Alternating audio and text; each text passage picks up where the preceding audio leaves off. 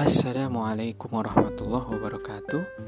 Perkenalkan, nama saya Yuwana Agung Nugraha Biasa dipanggil Kak Yuwana ya Atau Yuwana Saya senang dipanggil Kak Yuwana karena memang saya saat ini terlibat dengan banyak kegiatan pemuda dan pelajar.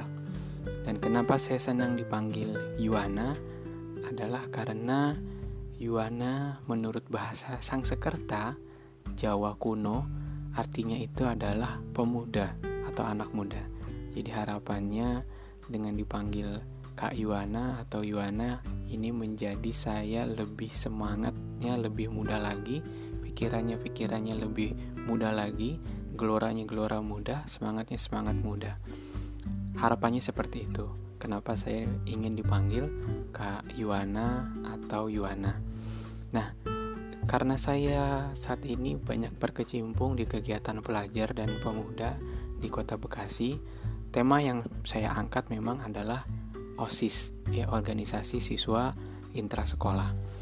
Nah, buat eh, pertama pada saat ini ya, jika kalian memang ingin mengenal saya lebih jauh, lebih dalam siapa saya sebenarnya bisa buka di website saya www kakyuana.com kakyuana.com k a k ya k a k y u w a n a.com nah di situ kalian bisa ngelihat tentang profil saya serta tulisan-tulisan saya yang kurang lebih kaitannya banyak tentang organisasi dan OSIS.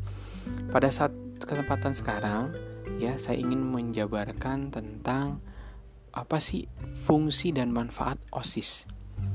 Jadi fungsi dan manfaat OSIS itu ada tiga. Nah, yang pertama ya saya ingin satukan dulu, ingin memberitahu kepada sobat OSIS semuanya yang mendengarkan uh, podcast saya pada saat ini. Yang pertama adalah fungsi dan manfaat OSIS itu adalah wadah.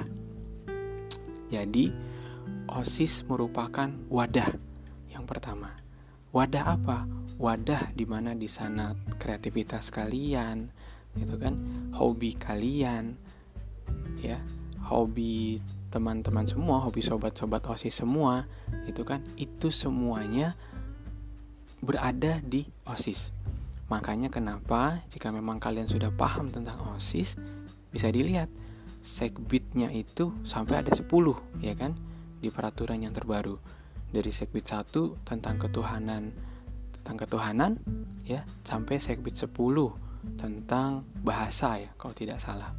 Nah, itu artinya apa? Dari segbit 1 sampai segbit 10 itu adalah sebagai wadah kalian.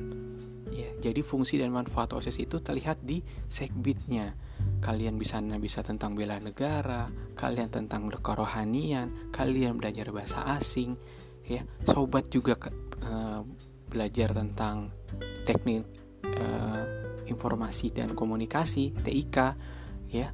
Ada juga tentang uh, macam-macam. Banyak lah. Nah itu adalah wadahnya.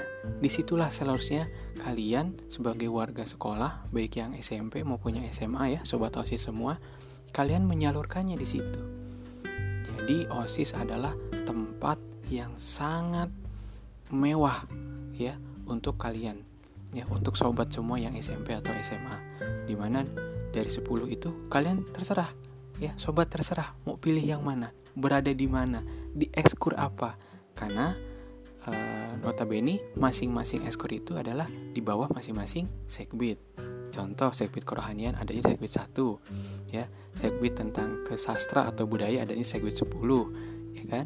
Ada segbit bela negara misalkan pas kibra ya atau pramuka ada di segbit berapa ya saya tidak terlalu hafal tapi itulah fungsinya jadi yang pertama adalah OSIS itu sebagai wadah untuk kalian berkreativitas, berorganisasi, ya kan, menyalakan hobi dan minat kalian berada di situ.